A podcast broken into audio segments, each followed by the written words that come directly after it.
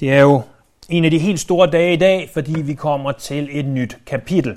Så lad os åbne vores bibler til Romerbreds 10. kapitel. Øh, I det, at vi kommer til det 10. kapitel, så husker vi på, at kapitlerne 9, 10 og 11 af Romerbrevet, de handler om, hvorfor Israel ikke har accepteret evangeliet. Øh, og noget af det, der er interessant ved de her tre kapitler, det er, at både kapitel 9, vers 1-5, og kapitel 10, vers 1-4, og kapitel 11, vers 1-2, de begynder, øh, langt fra identisk, men de begynder øh, på en lignende måde. Nemlig med, at Paulus han gør det klart, at han stadig brænder for jøderne, at der stadig er håb for jøderne, øh, at øh, han beder for deres frelse, som, som vi skal se på i dag. På en måde, så kan vi sige, at kapitel 10 er måske det vigtigste kapitel af Romerbrevet. Øh, ikke fordi, at det giver os voldsomt meget nyt, men fordi det opsummerer alt det, vi har lært. Øh, vi husker måske også, at de første 11 kapitler af Romerbrevet er lærermæssige. Det vil sige, at vi lærer en masse ting. Det, det er ikke så meget om, hvordan vi lever som kristne, øh, som hvordan det egentlig, hvad det vil sige at være en kristen. Og, og vi har lært om, hvad retfærdiggørelse er. Vi har lært, at alle mennesker har syndet og mistet herligheden for Gud. Vi har lært, hvorfor det er sandt, nemlig fordi vi er i Adam. Øh, og øh, vi har lært om, at vi kan blive forenet med Kristus, og det er det, vi bliver som kristne. Øh, vi har lært om i kapitel 7, at vi bliver, øh, om du vil, gift med Kristus. At, at, at der kommer det her ægteskab, hvor at øh, vi ikke længere er os selv, men ham, der lever for os, som øh, Paulus beskriver det i Galaterbrevet. Vi har også lært i Romerbrevet, at der ikke er nogen fordømmelse, og, og måske allervigtigst i slutningen af øh, kapitel 8, at der ikke er nogen adskillelse. Så så vi på øh, de sidste mange forgangne søndage i kapitel 9, at Gud har øh, forudbestemt os, han har udvalgt os til frelse. Og, og det leder os så op til kapitel 10.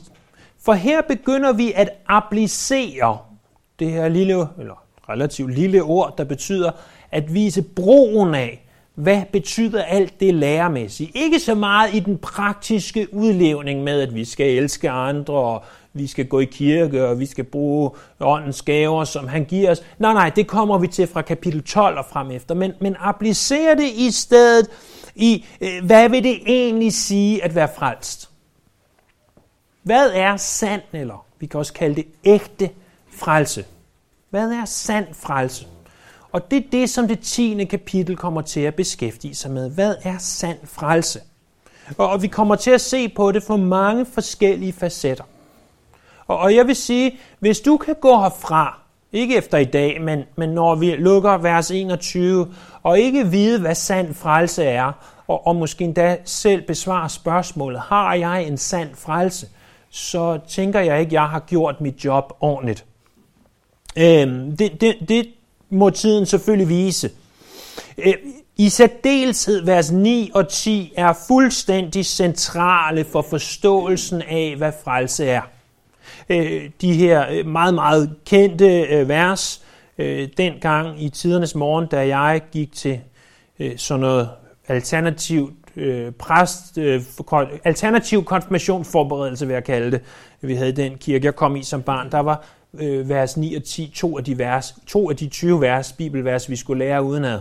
For hvis du med din mund bekender, at Jesus er herre, og i dit hjerte tror, at Gud har oprejst ham fra de døde, så skal du frelses, for med hjertet tror man til retfærdighed, med munden bekender man til frelse.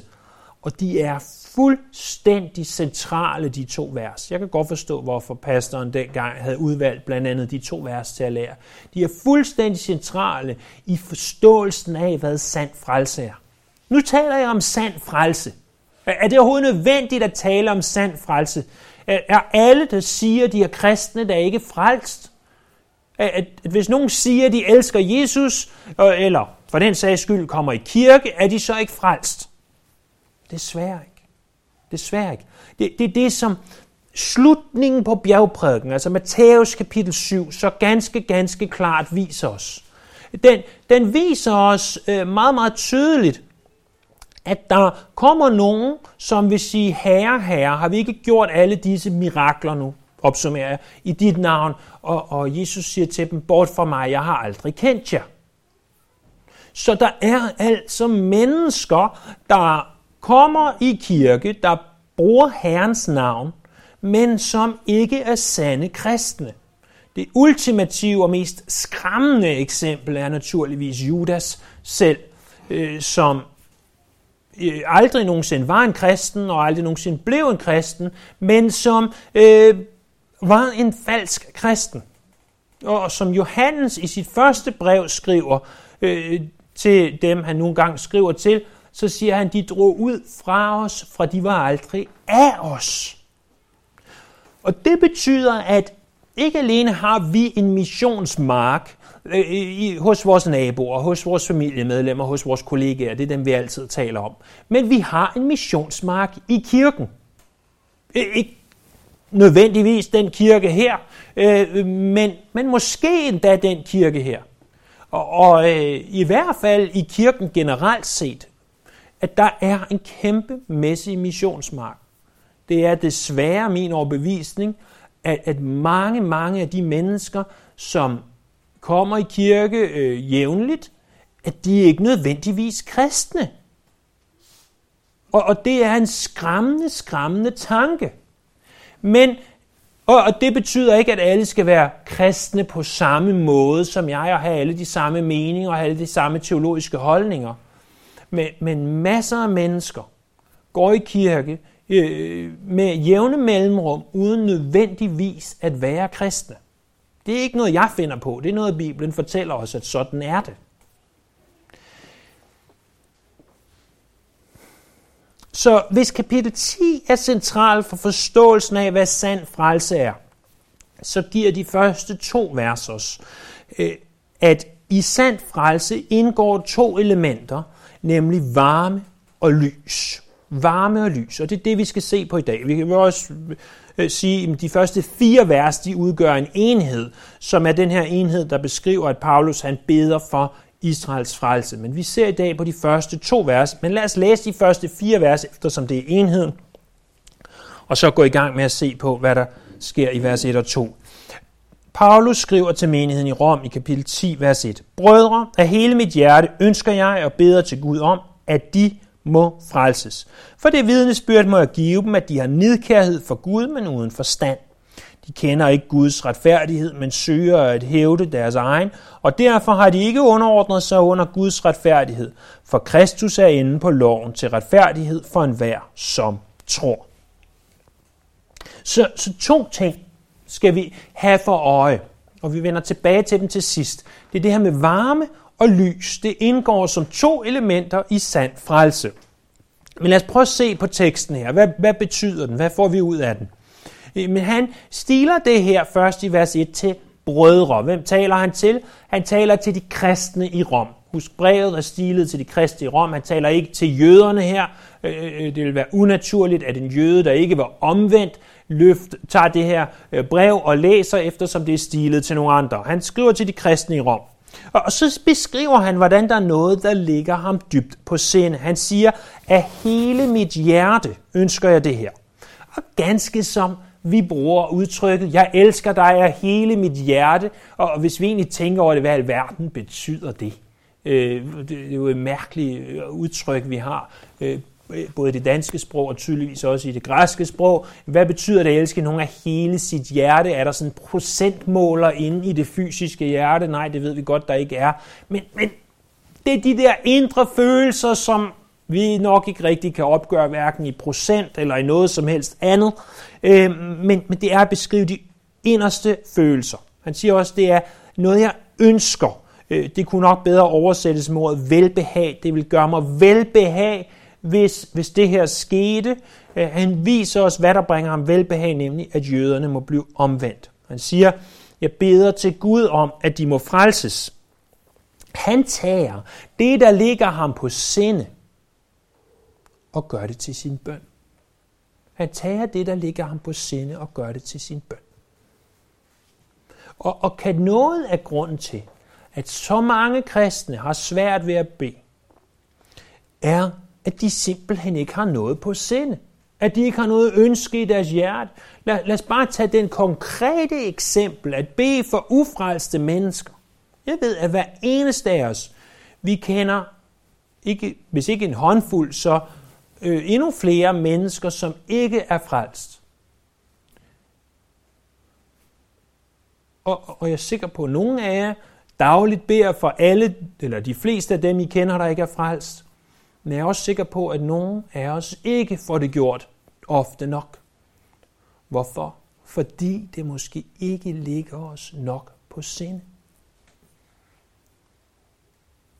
Vi tænker ikke over konsekvensen. Men her, der siger Paulus, jeg har noget i mit hjerte, jeg har noget, jeg ønsker, noget, jeg beder til Gud om. Noget, som er så levende i mig, at det udlever sig i bøn. At de må frelses. Hvem er de? Jamen, det ser vi tilbage i kapitel 9. Vi husker på, at det her med kapitelnummer og versnummer, det er ikke noget, der var dengang Paulus skrev, eller dikterede brevet. Han siger, Taxitus, Tacitus, eller hvem der nu modtog brevet, nu til kapitel 10, vers 1. Og så vers 2, nej nej, sådan foregik det ikke. Han fortsatte i en lang talestrøm, måske tog en pause, og det gjorde han ganske givet, øh, men, men ikke noget med vers og, og kapitler, og, og, og derfor nogle gange så glemmer vi, at noget går lige forud for. Så, når, som jeg starter i dag. I dag er vi kommet til et nyt kapitel. For tusind år siden, øh, eller der Augustin og, og Chrysostom og hvem der ellers har udlagt romerbrevet før os andre, øh, der ville de aldrig have sagt, nu er vi kommet til et nyt kapitel. Nej, de vil bare sige, nu går vi videre til det næste. Øh, så prøv at se en gang i, i kapitel 9, vers 30 til 33, der siger han, hvad skal vi sige, at hedningerne, som ikke stræbte efter retfærdighed, opnåede retfærdigheden, vel at mærke en retfærdighed tro. Israel derimod, som stræbte efter en lov, der kunne føre til retfærdighed, nåede ikke en sådan lov. Hvorfor ikke? Fordi de ikke søgte den af tro men som om den kunne fås gennem gerninger, og de støtte an mod anstødstenen, som der står skrevet, så i Sion lægger jeg en anstødsten, en klippe til at snuble over. Den, der tror på ham, skal ikke blive til skam. Så de, som Paulus beder for, er altså hans eget folk, Israels folk, jøderne. Han beder for, at de må frelses. Hvad, hvad er noget betydning af det her? En betydning er, at vi skal bede for mennesker, ufrelste mennesker, som ikke måtte være vores primære missionsmark. Øh, Paulus, han var selv jøde. Det, det håber jeg, at, at det er slået fast for, for de fleste af os. Men da Gud kalder ham øh, på vejen til Damaskus, der siger han også, at du skal primært gå ud til, øh, til hedninger, til konger og til Israels børn. Men Paulus selv forstod det sådan, som vi kommer til at se i kapitel 11, vers 13, at han var hedningeapostlen. Han rejser til Galatien, det nuværende Tyrkiet, han rejser til Europa, til Grækenland, øh, i særdeleshed han skriver til Italien, til Rom, øh, og, og han, han er altså apostel for hovedsageligt dem, der ikke er jøder.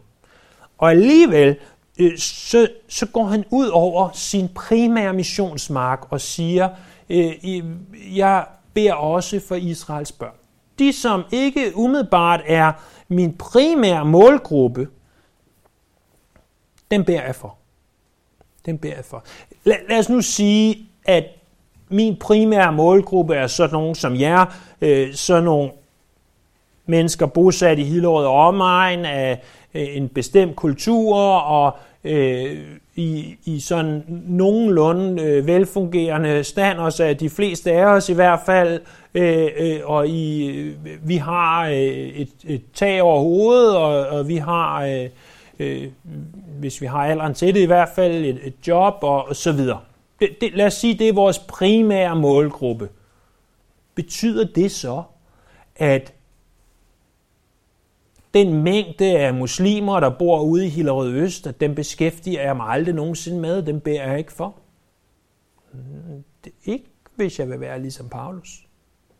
Betyder det, at de øh, ufrelste mennesker, der sidder over i Asien, at dem er jeg ikke interesseret i? Eller øh, at dem, der, der lever på gaden inde i København, at dem vil jeg slet ikke være interesseret i at bede for deres frelse, det kan jeg være ligeglad med? Det ville da være forfærdeligt de mennesker er jo lige så meget mennesker som, som alle os, så, som passer sig godt sammen og som er rimelig identiske øh, på mange måder. Vi er.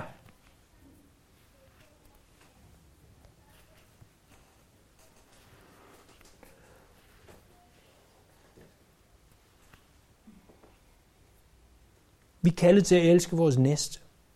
Og i lignelsen om den barmhjertige samaritan, der, der ser vi, at vores næste er en vær, som vi møder på vores vej. Det er ikke bare dem, vi kan lide, og dem, vi kan spejle os i. Det er faktisk også dem, vi hader. Det, det er dem, som, som vi for barns ben lærer at have. Og det ved jeg godt, at vi som kristne prøver på at lære ikke at have. Og vi ved godt, at vi ikke skal have. Og vi ved godt, at, at det er forkert. Men øh, øh, jeg vil godt påstå, at i hver og en af os, så gemmer der sig i vort kød, ikke i vores frelste natur, men i vort kød, så gemmer der sig en, en lille racist. Og når jeg siger racist, så mener jeg ikke kun dem, der har en anden hudfarve eller en anden kultur. Men, men, men en, som bare fordi nogen ikke er ligesom os, så, så støder vi dem væk.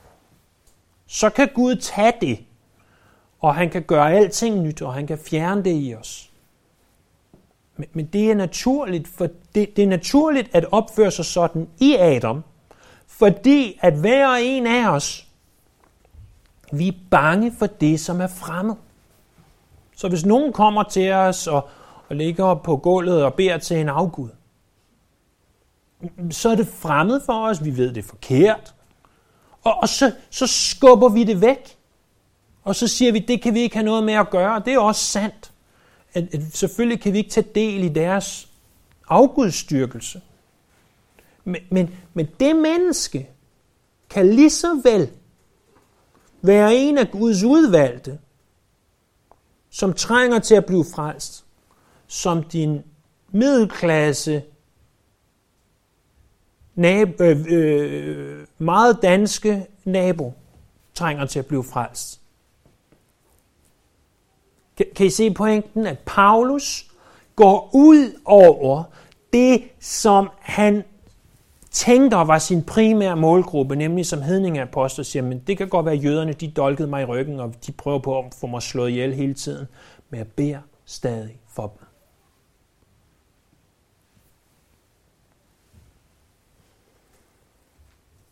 En anden pointe, det er, at vi skal bede for ufrelste mennesker, uagtet om de er udvalgt af Gud.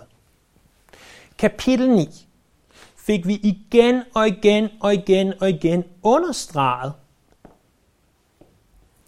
at Gud han udvælger nogen, og han forbigår andre. Og, og det, at han udvælger nogen, og ikke andre, det er hans suveræne ret.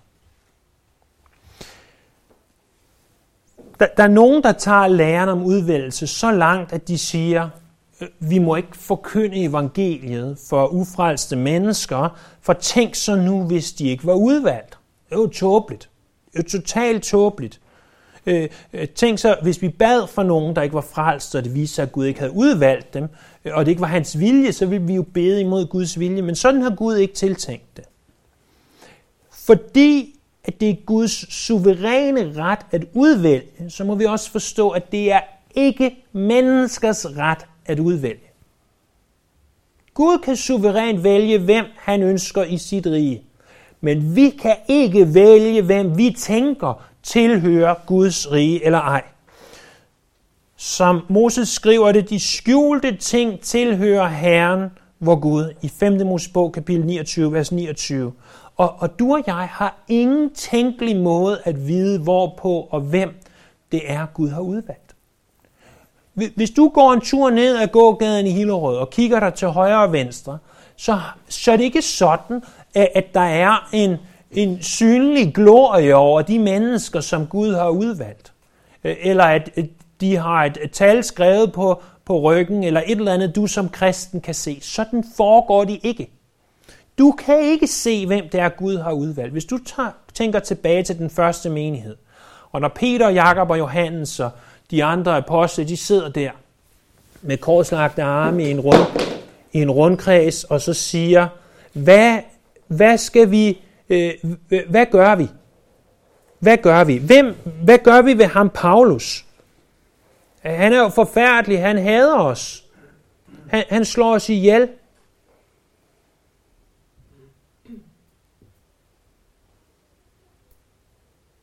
Gud kan aldrig have udvalgt ham.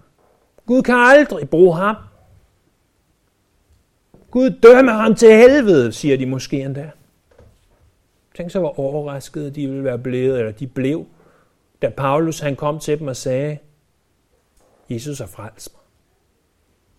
Jeg er blandt de udvalgte. og, og, og tænk så, nogle af de mennesker, som du omgiver, som du snakker med, og, og som du er sammen med, du tænker, ham der, aldrig nogensinde udvalgt. Hende der, aldrig nogensinde udvalgt. Øh, men det er ikke op til os at bedømme. Fordi vi bør have et brændende hjerte for frelse for alle mennesker, vi møder. Og det er selvom, at Guds udvælgelse står helt og aldeles fast. Og du kan bede i tusind år for en, og hvis den person ikke var udvalgt af Gud, så bliver personen ikke frelst. Du kan vidne fra nu af og til evig tid for en, og hvis den person ikke var udvalgt, bliver personen aldrig frelst. Men det er skjult for dig. Du kan ikke se det. Og vores opgave er ikke at rende rundt og bedømme, nå, nu er jeg nok færdig med ham eller hende, hun er nok alligevel ikke udvalgt, så nu går jeg videre til den næste.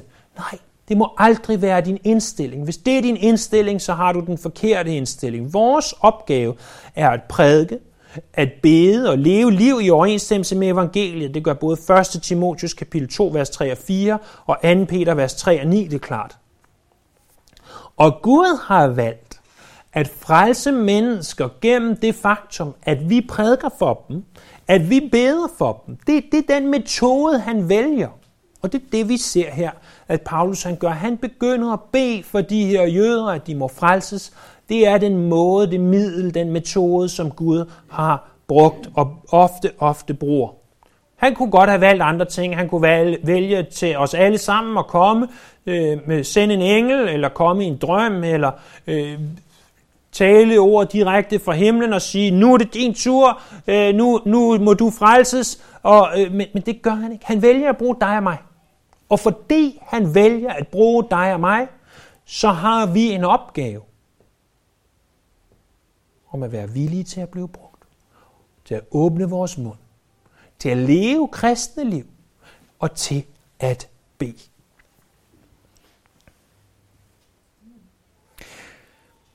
Jeg synes også, det hører til det her, at understrege, at nogle af dem, som vi anser for de største evangelister, og de største missionærer igennem historien, øh, de troede fuldt og fast på Guds suverænitet i frelsen. Det er sådan nogle mænd som for eksempel Whitfield og Spurgeon og, og William Carey, som startede den her mission til Indien. Alle de mænd, de troede fuldt og fast på, at Gud har forudbestemt, hvem der bliver frelst. Og alligevel, hver eneste søndag, når Spurgeon han stillede sig op i The Metropolitan Tabernacle i London, så forkynder han evangeliet og siger, omvend dig til Jesus, tro på Herren.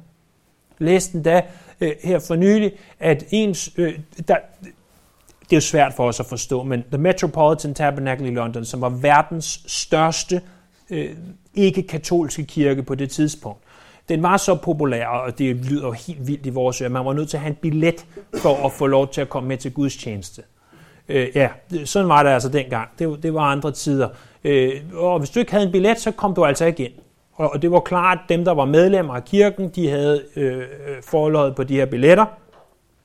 Øh, men en søndag om året, der sagde han, prøv at høre, på søndag, der får I, der er medlemmer, ikke lov til at komme i kirke der vil jeg godt have, at alle dem udefra, det, han var jo helt vildt populær. Øh, så kirken blev fyldt alligevel bare med mennesker, som ikke plejede at komme i kirke. Og det gjorde han så den her ene søndag om året, så han kunne prædike evangeliet til alle dem, der normalt ikke kom til Guds tjeneste. Så, så her er altså to lektioner for os i, i det første vers, med at vi må Be for dem, der går ud over vores, vi, vi tænker som vores primære målgruppe, og den anden, at øh, selvom Gud er suveræn i frelsen, så skal vi stadigvæk, og hvem der bliver frelst, så skal vi stadig bede. Vi skal stadig forkynde evangeliet. Så kommer vi til vers 2. Det er, at jøderne de havde en nidkærhed, men uden forstand. Prøv at se teksten der. For det vidnesbyrd må jeg give dem, at de har nedkærhed for Gud, men uden forstand. Øh, det vidnesbyrd, siger han, øh, det er faktisk et temmelig interessant ord, fordi det græske ord bag ordet vidnesbyrd, det er martyrion, hvor vi får ordet martyr.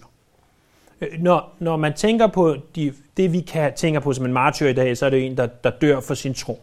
Og det gjorde de jo altså dengang, at hvis de vidnede om Jesus, så døde de typisk for deres tro. Men en martyr var egentlig bare en, der vidnede. Det kunne sammenligne det med en, der stiller sig op i retten og vidner om et eller andet. Han vil være en, en martyr.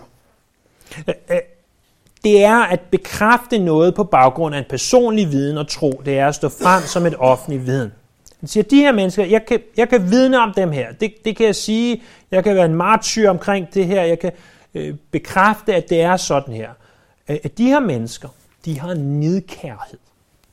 Hele verden betyder nidkærhed. Øh, ordet kan defineres, øh, det, det originale græske ord, ikke det danske ord, men det originale græske ord, det er en intens og positiv interesse i noget.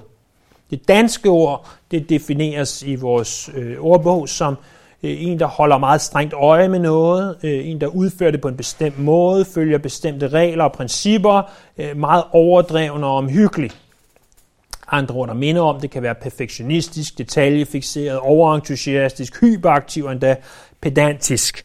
Øh, mange mennesker de er meget, meget nedkære omkring politik, øh, omkring øh, at, at, at de mener, at deres venstreorienterede eller højreorienterede politik er den bedste i verden, og det bør alle andre også øh, gøre.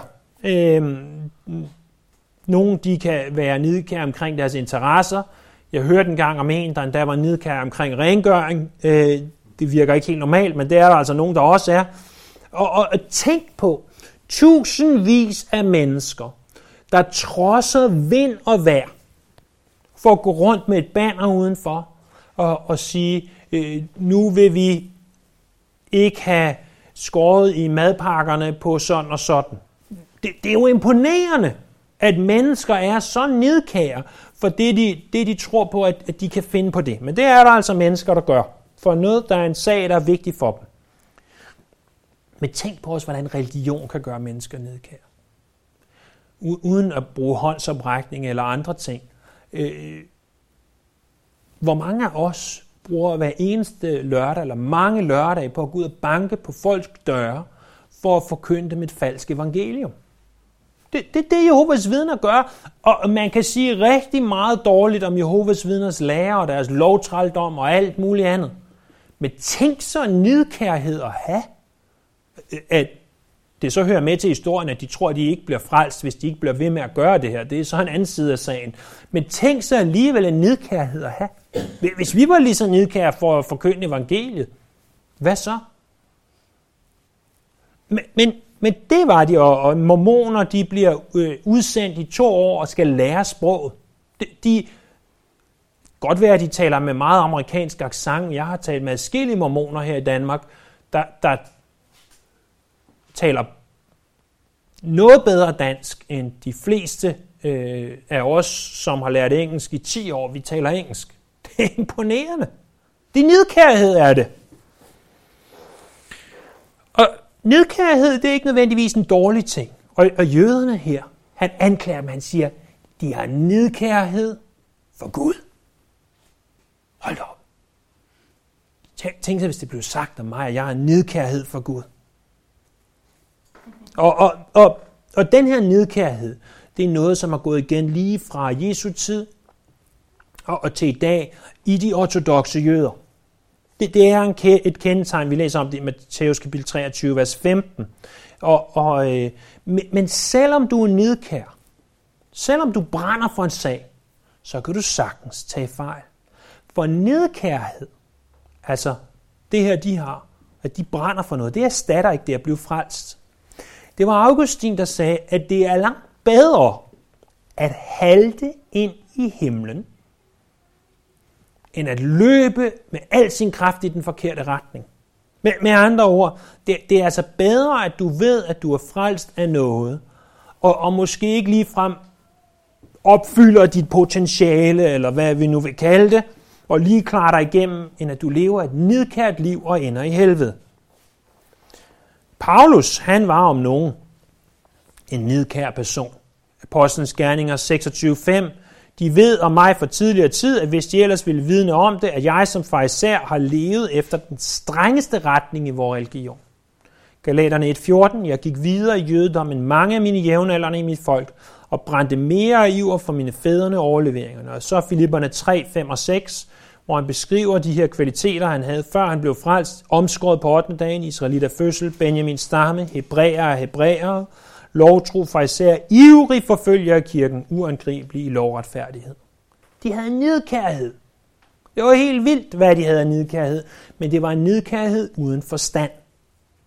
Fordi vi kan sagtens have viden uden at have forstand. Jeg ved ikke, om du har opdaget det endnu, men, men hvis du spiser mad og ikke køber den online, så har du nok erfaret, at det snart er jul. Fordi alle butikkerne, de gør i hvert fald voldsomt opmærksom på det efterhånden. Og, og de fleste mennesker i Danmark, håber jeg stadigvæk, at hvis du spørger dem, hvorfor er det nu egentlig, man fejrer jul, vil forhåbentlig stadigvæk godt kunne svare, at det har et eller andet at gøre med Jesu fødsel. At Jesus blev født som et barn i Bethlehem, og de kan godt lidt af sangen, og, og det er så det. De, de har viden, men de har ikke nogen forståelse. Fordi hvis du går et skridt videre og siger, hvorfor skulle han fødes i Bethlehem, eller hvorfor skulle han fødes, og, og uden nødvendigvis at bruge det store teologiske ord inkarnation, og, men, men bare sige, hvorfor måtte Gud blive menneske? Øh, så vil de stå måbende og glo på dig, som om du er åndssvag. For, fordi de har viden, men de har ikke forstand.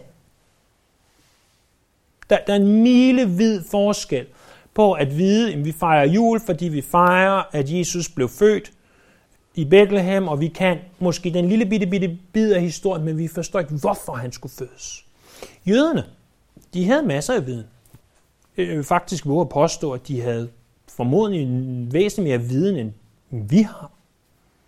Øh, øh, det, det siges om nogle af dem, at at de kunne tage et søm og hamre igennem en torrulle eller en bibel, og, og så kunne de tage sømmet ud, og så kunne de så sige, hvilke bogstaver de havde hamret ud på hver side. Det, det, det er viden.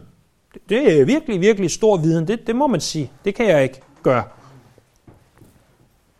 Men de havde ikke nogen forståelse af, hvordan Gud retfærdiggør os. De havde viden, men de havde ikke forståelse. Det er det, vi kommer til at se næste gang i vers 3 og 4. Øh, prøv at tænke på bare sådan en ting som sabbatsloven. Dengang på Paulus' tid, der var øh, en regel for, hvor langt du måtte gå. Øh, der var en regel for, at du ikke måtte bære mere, end hvad der svarede til to tørrede finer. Du måtte ikke tilberede mad, og en syg kunne du sikre dig, at den syge ikke blev værre, men du måtte sandelig ikke gøre noget for, at de fik det bedre. Og for dem af jer, der har været så privilegeret at besøge Israel, i særdeleshed Jerusalem på en sabbat, øh, noget af det mest tåbelige, jeg har oplevet, det, det er sabbats elevatoren. Det, det er simpelthen så tåbeligt, så det er til grin. Det, det er den her elevator, hvor du må gå ind i den, og så fordi du ikke må trykke på en knap, fordi det udløser en ild, og det er imod et, et bud i loven, mener de, øh, så, så går du ind i elevatoren, og, og så kører den af sig selv, så du skal skynde dig ind, for ellers så misser du ikke toget, men elevatoren. Og så stopper den. Ikke på hver etage, fordi det er jo ikke sikkert, at der er nogen, der skal på hver etage, men den stopper simpelthen på hver anden etage. Og sidste gang jeg tjekkede, der er det væsentligt mere fysisk hårdt at øh, gå en trappe op eller en trappe ned for at komme til det niveau, som du ønsker, end det måtte være at trykke på sådan en, en, en lille bitte, bitte knap. Øh, jeg ved i hvert fald, at når vi øh, en gang imellem bruger elevatoren over i slotsarkaderne, så er mine børn, de er ellevilde for at få lov til at trykke på knappen. Men, men det, det, det er da simpelthen for, for vildt, at man kan lave sådan nogle regler for sig selv. Og det viser deres nedkærhed. Nej, vi må ikke udløse en ild. Så vil hellere lige bruge nogle af vores skridt på at gå en etage op eller ned. Øh, jeg ved godt, hvis jeg vil virkelig slappe af, så vil jeg da helt sikkert hellere tage elevatoren og lige gøre sådan der, eller endnu bedre tale til den, hvis det endelig var. Det kan være, at man har opfundet det nu måske. Øhm, og sådan ser vi deres nedkærhed. Men hvad er betydningen af det her? Hvad er betydningen? Nedkærhed frelser ikke. Øh, fordi som nævnt, så er der masser af mennesker, der brænder for en sag. Oprigtige mennesker, øh, men mennesker, som tager fejl. Nidkærhed eller oprigtighed, det frelser os ikke. For du kan være rigtig, rigtig oprigtig og tage fejl. Forestil jer, at, at du har fem timer til at komme fra Hillerød til Helsingør til fods. Skal du løbe til. Okay? Du har 5 timer. Så vinder du en million. Og du er mere dedikeret end nogen andre i, dit, i din tid. Du sætter ud, du snører skoene, du tager det rigtige tøj på, reflekser, så bilerne kan se dig, går ud på landevejen, og du løber. Ikke 5 km i timen, ikke 10 km i timen, ikke engang nøjes du med 15. Du løber så hurtigt som de hurtigste maratonløbere. Du løber 20 km i timen, fordi du skal sikre dig, at du når til Helsingør inden for de her 4-5 timer og får en million kroner. Og du løber, og pludselig så tænker du, det går godt. Jeg er ihærdig, jeg er nidkær. Og du løber forbi Slangerup. Og du løber forbi Ølstykke. Og du når efter et par timer til Roskilde. Og, og du løber videre og vinker til mine forældre i Osted. Og du er ihærdig, som noget menneske nogensinde har været ihærdig. Du bliver ved 20 km i timen. Og, og pludselig står der ringsted, og inden du ved af det, så er du ihærdigt løbet 5 timer sydpå, og er måske nærmest havnet i Tyskland, eller hvad ved jeg, jeg har ikke lige målt afstanden, om du kunne nå det, øh, men, men 100 km væk i hvert fald. Så 140 km for dit mål. Du kan være lige så ihærdig, som du ønsker. Men hvis du bevæger dig den forkerte retning, så er din ihærdighed intet værd. Intet værd. Vi, vi hører så tit, ah, det kan godt være, at hans teologi er lidt skæv. Men, men prøv at se, hvor oprigtig han er. Det er som den tåbe, der løber sydpå i fem timer, i stedet for nordpå i, hvad havde han kunne gøre det på, halvanden, to timer. Det er at være nidkær, at brænde for en sag. Det er ikke nok. Vi må brænde for den rigtige sag. Den anden ting er, at frelse bringer en sand forståelse af Gud. Kristendom, det er en forståelsesreligion. Øh, der er simpelthen visse ting, du er nødt til at forstå. Den ene ting, det er, at Jesus, øh, det, eller du, der er nødt til at forstå for at blive frelst. Prøv at se, hvordan Jesus han drog ud for at prædike frem for at helbrede. Det står der i Markus kapitel 1, vers 38. Og apostlene, de vidste, at Bibel og bøn, det måtte være deres fornemmeste opgave, Apostlenes Gerninger 6.2. Øh, vi er nødt til at forstå sådan nogle ting som, at vi er søndere, der behøver hjælp, at Gud sendte sin enborne søn for at give os den hjælp, at Jesus han levede et retfærdigt liv og døde en uretfærdig død på korset, at han opstod den tredje dag, og alene ved troen på ham, der kan vi være arvinger til det evige liv. Så der er noget, vi simpelthen er nødt til at forstå. Næste gang vender vi tilbage til, hvad er det, som jøderne ikke forstod, nemlig retfærdiggørelsen og noget af det, øh, vi måske ikke for at øh, primært blive frelst er nødt til at forstå, men som vi på et eller andet tidspunkt er nødt til at forstå.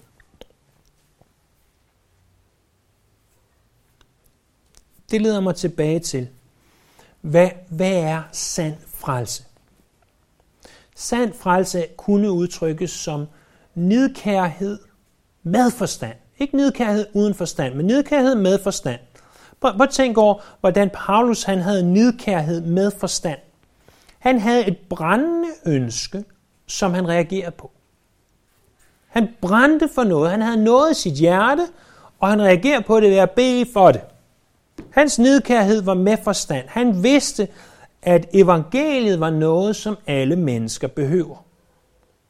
Og hvis du besidder en sand og ægte frelse, så vil du i en eller anden grad besidde det her. En nedkærhed. Ikke på samme måde som Paulus, nødvendigvis.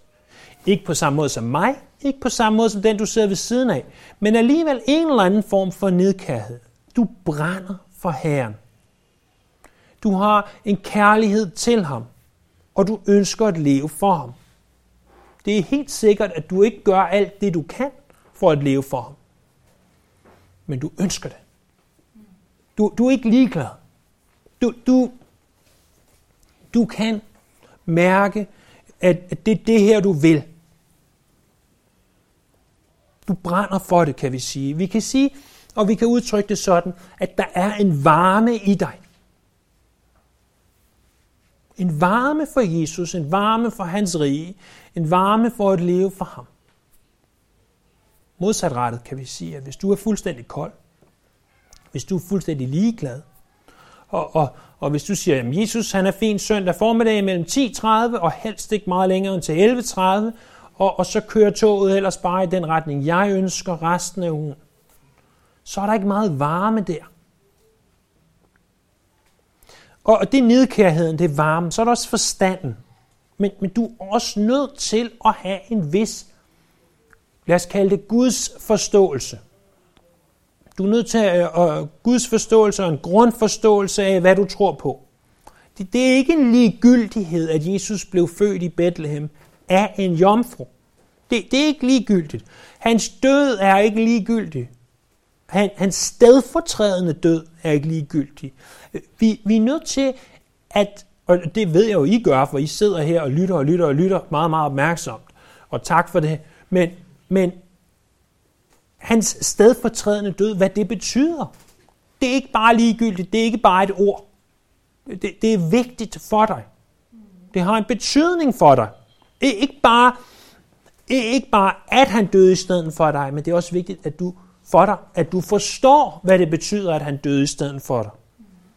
Øhm, du, du har et ønske om at kende bedre, og det giver sig til udtryk i din daglige bibellæsning, og, og så også til din aktive lytning af, øh, til naturligvis først og fremmest prædiken her om søndagen, men måske endda også prædikener i løbet af ugen.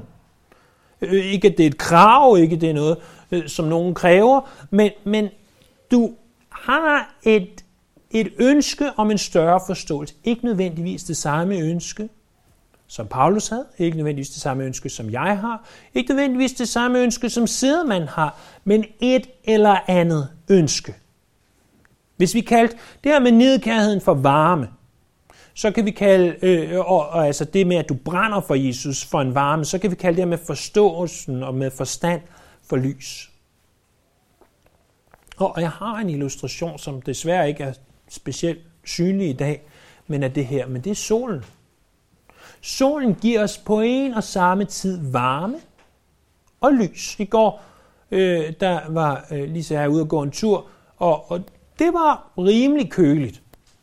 Men ikke når man gik i solen. Der, der var varme. Der var varme. Og, og hvis du går udenfor om natten, hvor solen ikke er synlig, så er der mørkt, for der er ikke lys. Varme og lys. Hvis, hvis du vil se på, om du, eller for den sags skyld, øh, nogle andre, du fortæller om det, har øh, en, en sand kristendom, en sand tro, en sand frelse, så, så må vi se på, om der er varme til stede i deres liv, og om der er lys til stede i deres liv. Det betyder ikke, at vi alle sammen skal være øh, belæste teologer i, i den forstand, som vi typisk tænker på teologer. Det, det er ikke det, det betyder. Det, det betyder, at vi har en brand for Jesus, og vi har et ønske om at lære ham bedre at kende. Så det er første led i det her med sand frelse. Lad os bede sammen. Himmelske far, skaber Gud. Tak for de her to vers her. Hvor er der meget her. Øhm, men her, hvor kan vi lære meget om dig? Og, og vi beder om, at vi må lære meget om dig. For vi ønsker at kende dig bedre og bedre for hver dag, for hver uge, for hver måned, for hvert år, der går. Og vi vil også godt offentligt proklamere her til morgen, at, at vi elsker dig. At vi har en brand for dig. Der er nogle gange, at branden den er ikke så varm. Men her er så pust. Pust til os, så der kommer gang i flammerne igen. Lad os huske på vores første kærlighed, vi havde til dig. Og på hvordan vi engang dårligt nok kunne vente med at komme op om morgenen for at se, hvad du havde for os den her dag. Og her, lad være af os, der er her. Øh, søge og rense os selv, om vi har sand frelse. Og endnu mere her, lad det være et værktøj til, når vi beder for andre, og når vi evangeliserer øh, og forkynder evangeliet for andre, øh, at vi vurderer, om der er en sand frelse til stede, eller om vi skal blive ved med, enten i det skjulte eller i det åbne, at bede for eller fortælle dem her evangeliet. Vi priser dig, vi ærer dig, og vi lover dig her. Og vi takker os for dit nadverbror, her. For din stedfortrædende død på korset. Du trådte i stedet for sønder.